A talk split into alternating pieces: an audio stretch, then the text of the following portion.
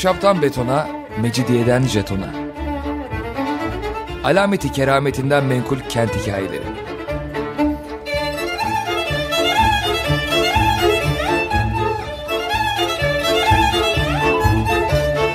Hazırlayan ve sunan Pınar Erkan.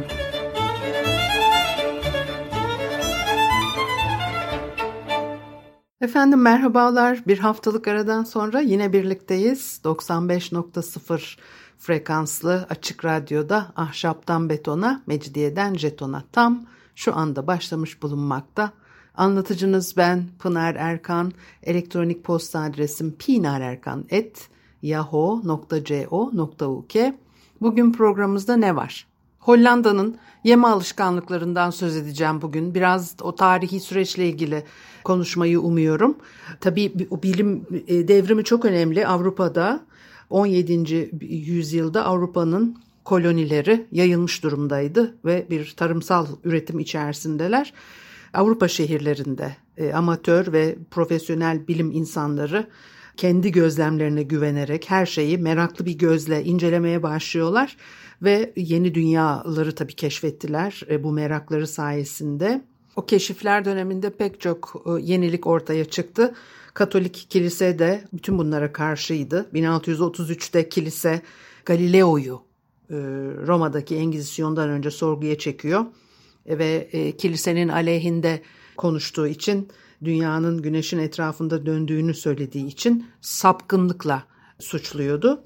O kilisenin iddiasına göre dünya e, evrenin merkezi ve Galileo ve hayatının geri kalan kısmını ev hapsinde geçirmek durumunda kaldı. Ondan sonra 1992 senesinde kilise e, Galileo'dan özür dilemiş. Güney Avrupa'nın Katolik ülkelerindeki bilimsel araştırmalar bu sebeplerle çok daha sınırlıydı. Ama Kuzey Avrupa'da protestan ülkelerinde hükümetler bilimsel devrim veya işte o süreç içerisinde yapılan çalışmaları, araştırmaları destekliyor. Böylece de ciddi bir e, gelişme e, sağlanıyor buralarda. 1660'da e, İngiltere bilimi geliştirmek için Kraliyet Derneği'ni kurmuş.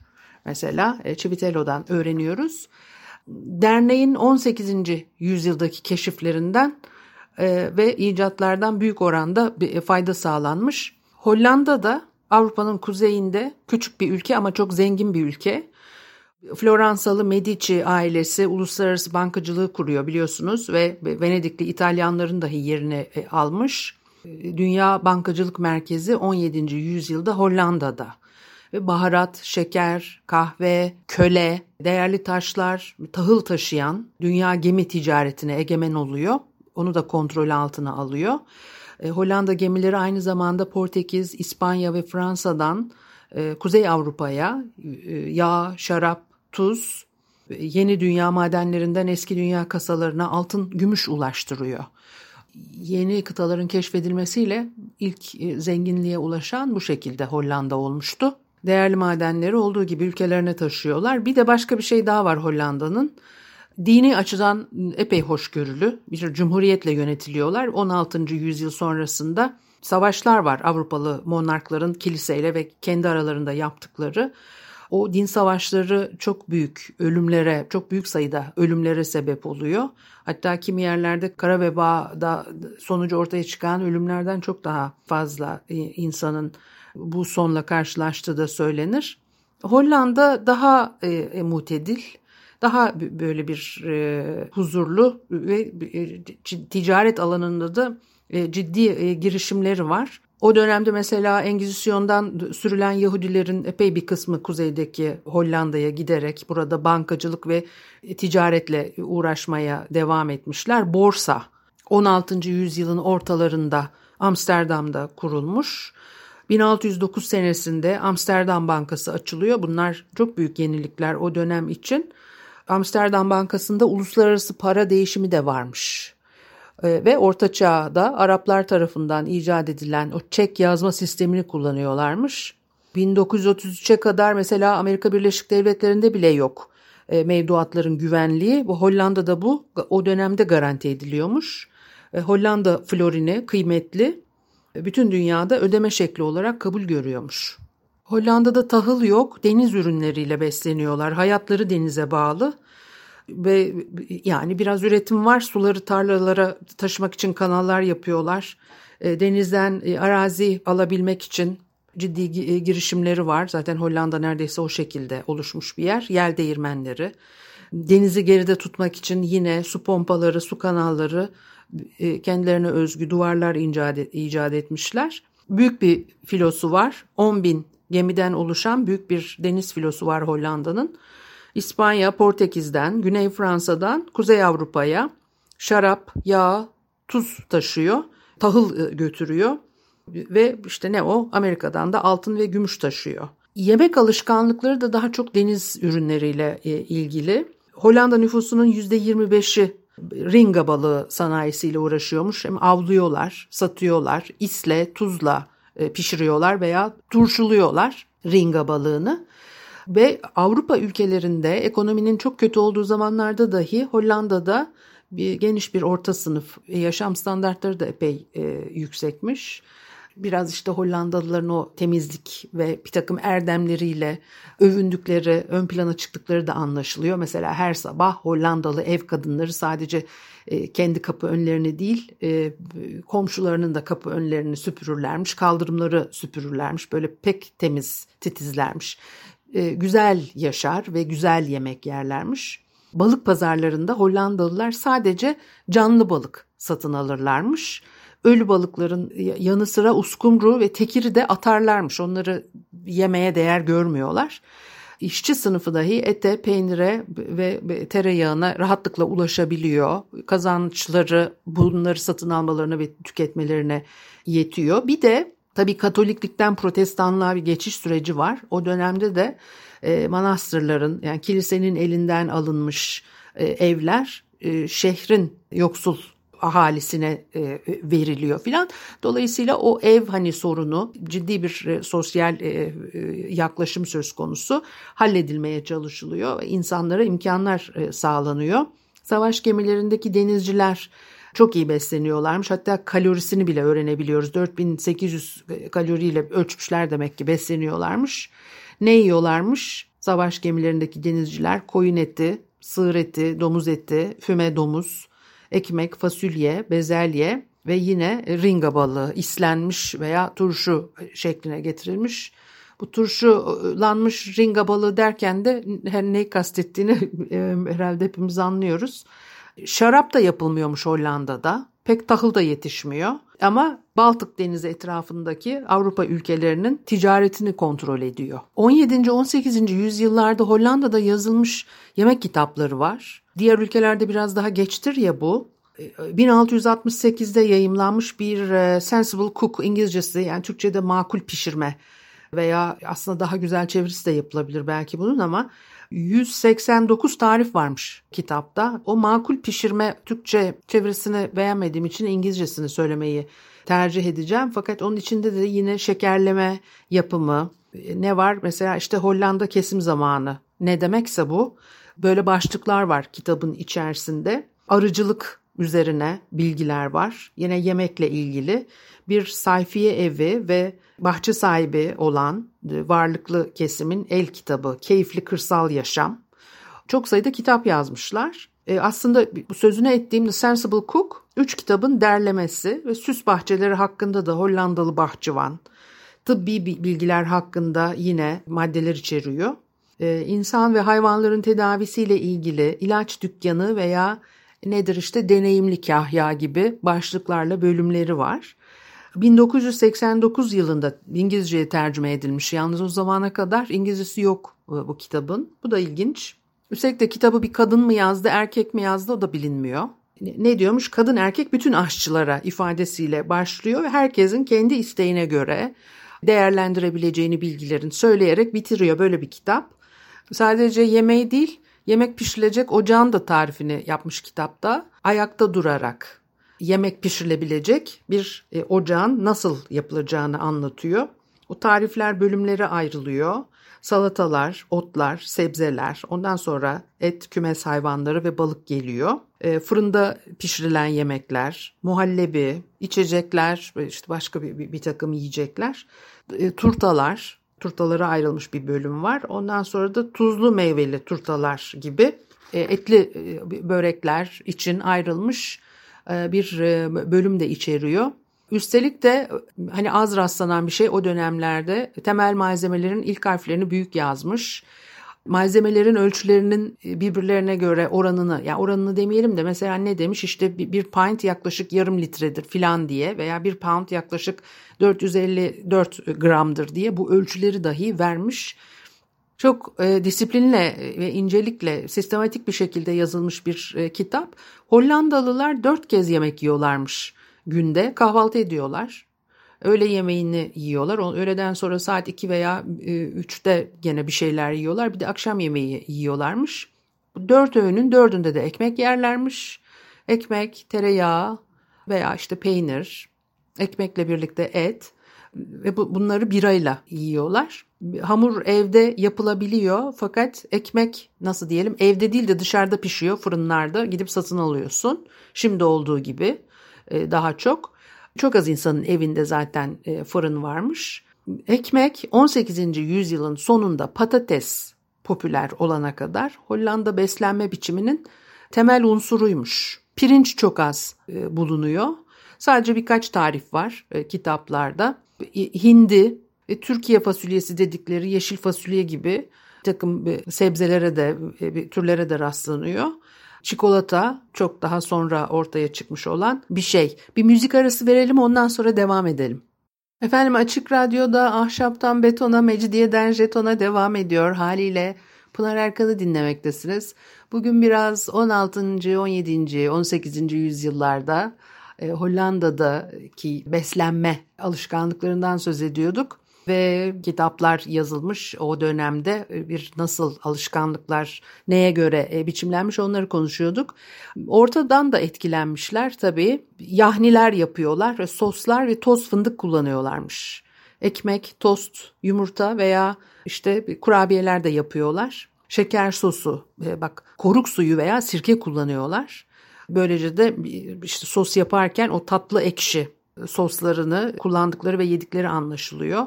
Toz bademi kıvamlaştırıcı olarak e, kullanıyorlar ki çok lezzetli bir şeydir ve bugün çok pahalı e, bir e, ürün ama onlar da gerçekten ağızlarının tadını biliyorlarmış. O kıvamlaştırıcı olarak kullanırken de beyaz ekmek kırıntılarıyla karıştırıyorlar toz bademi. Şeker ve koruk suyu yine tatlı ekşi yapmak için besinleri kullanılıyor. Zencefil kullanıyorlar bizim pek e, kullanmadığımız e, bir şeydi zencefil. Şimdi artık yemeklere biraz daha katılıyor. Et ve balıkta yine baharat kullanılıyorlar. 59 e, tarif vermiş Sensible Cook isimli kitapta et için.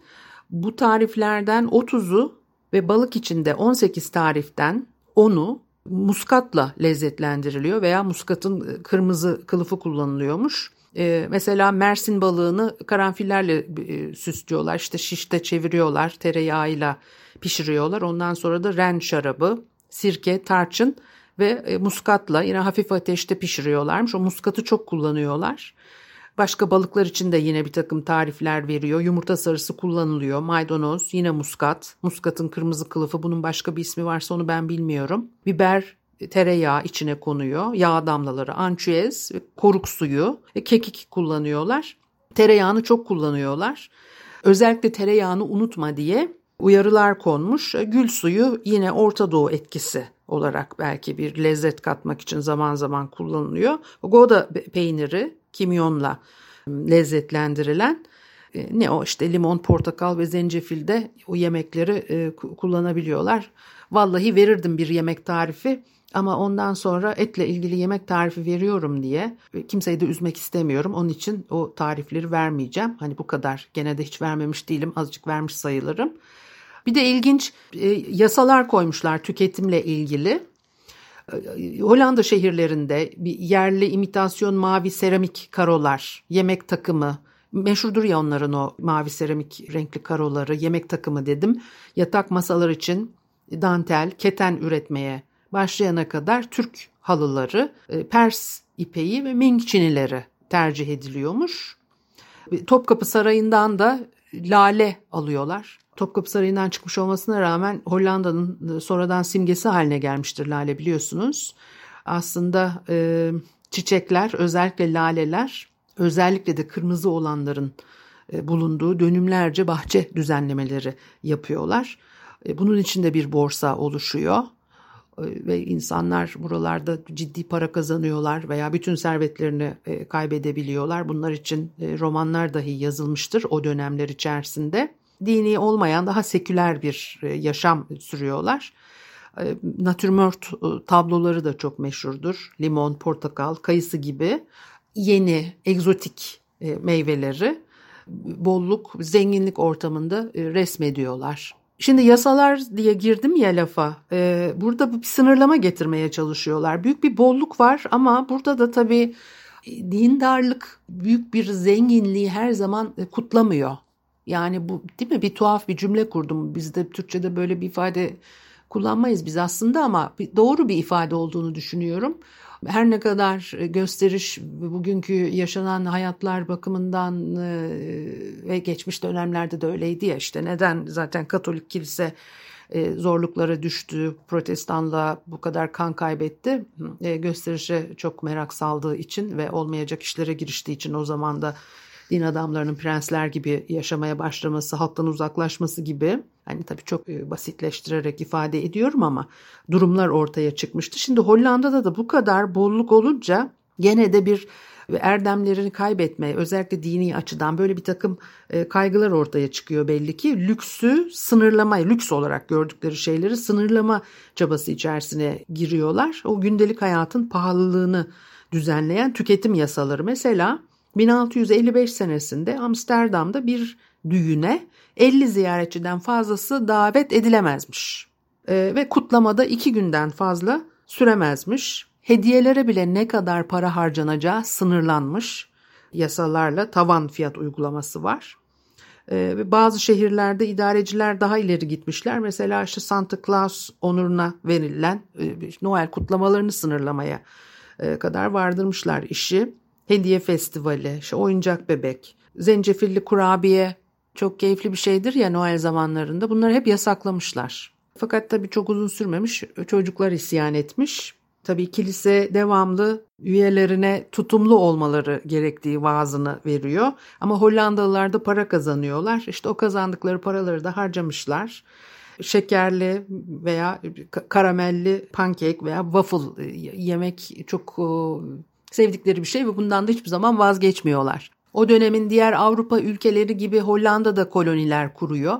New England veya Chesapeake'deki e, İngiltere kolonileri arasında bir de New Netherland Hollanda kolonisiymiş. Hollandalılar başka ülkelerden insanları buraya yerleşmeye ikna etme çabası içerisindeler. Çünkü zengin ve ülke içerisinde kendi kurallarına göre oldukça esnek seçimler yapabilen o Hollanda ahalisini buralara taşınmaya ikna edemiyorlar.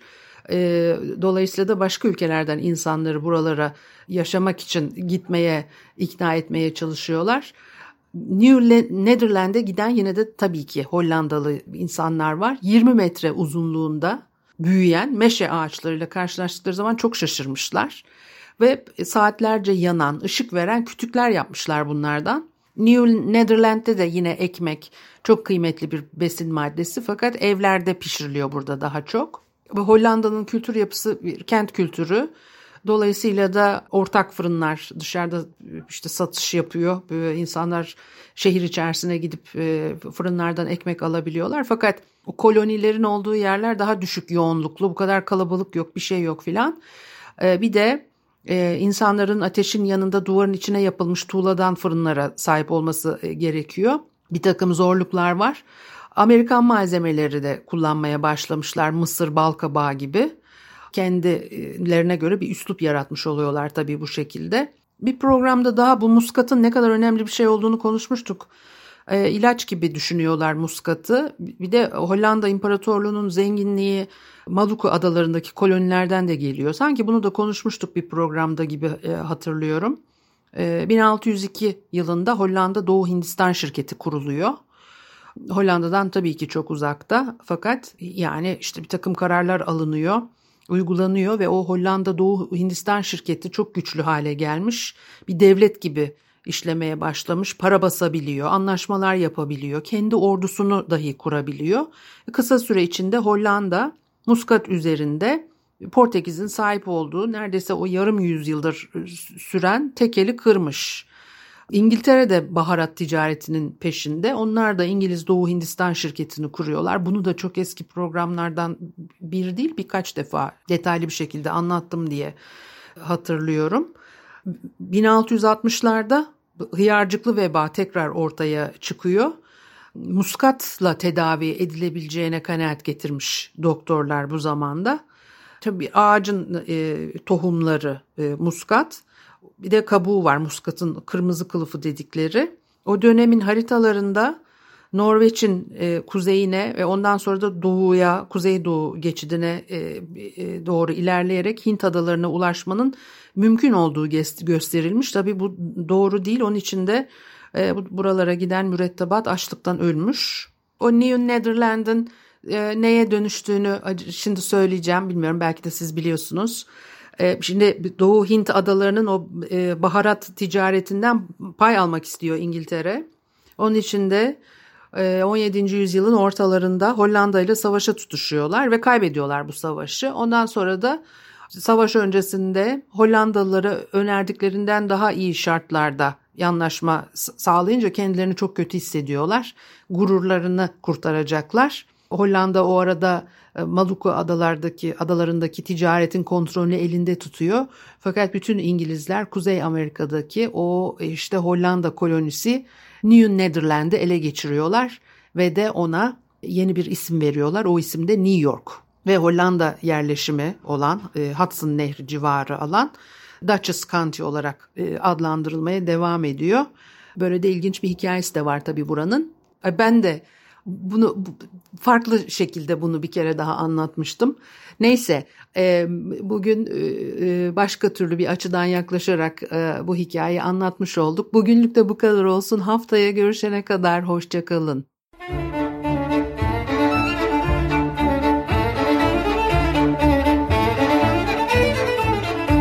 Ahşaptan betona, mecidiyeden jetona. Alameti kerametinden menkul kent hikayeleri.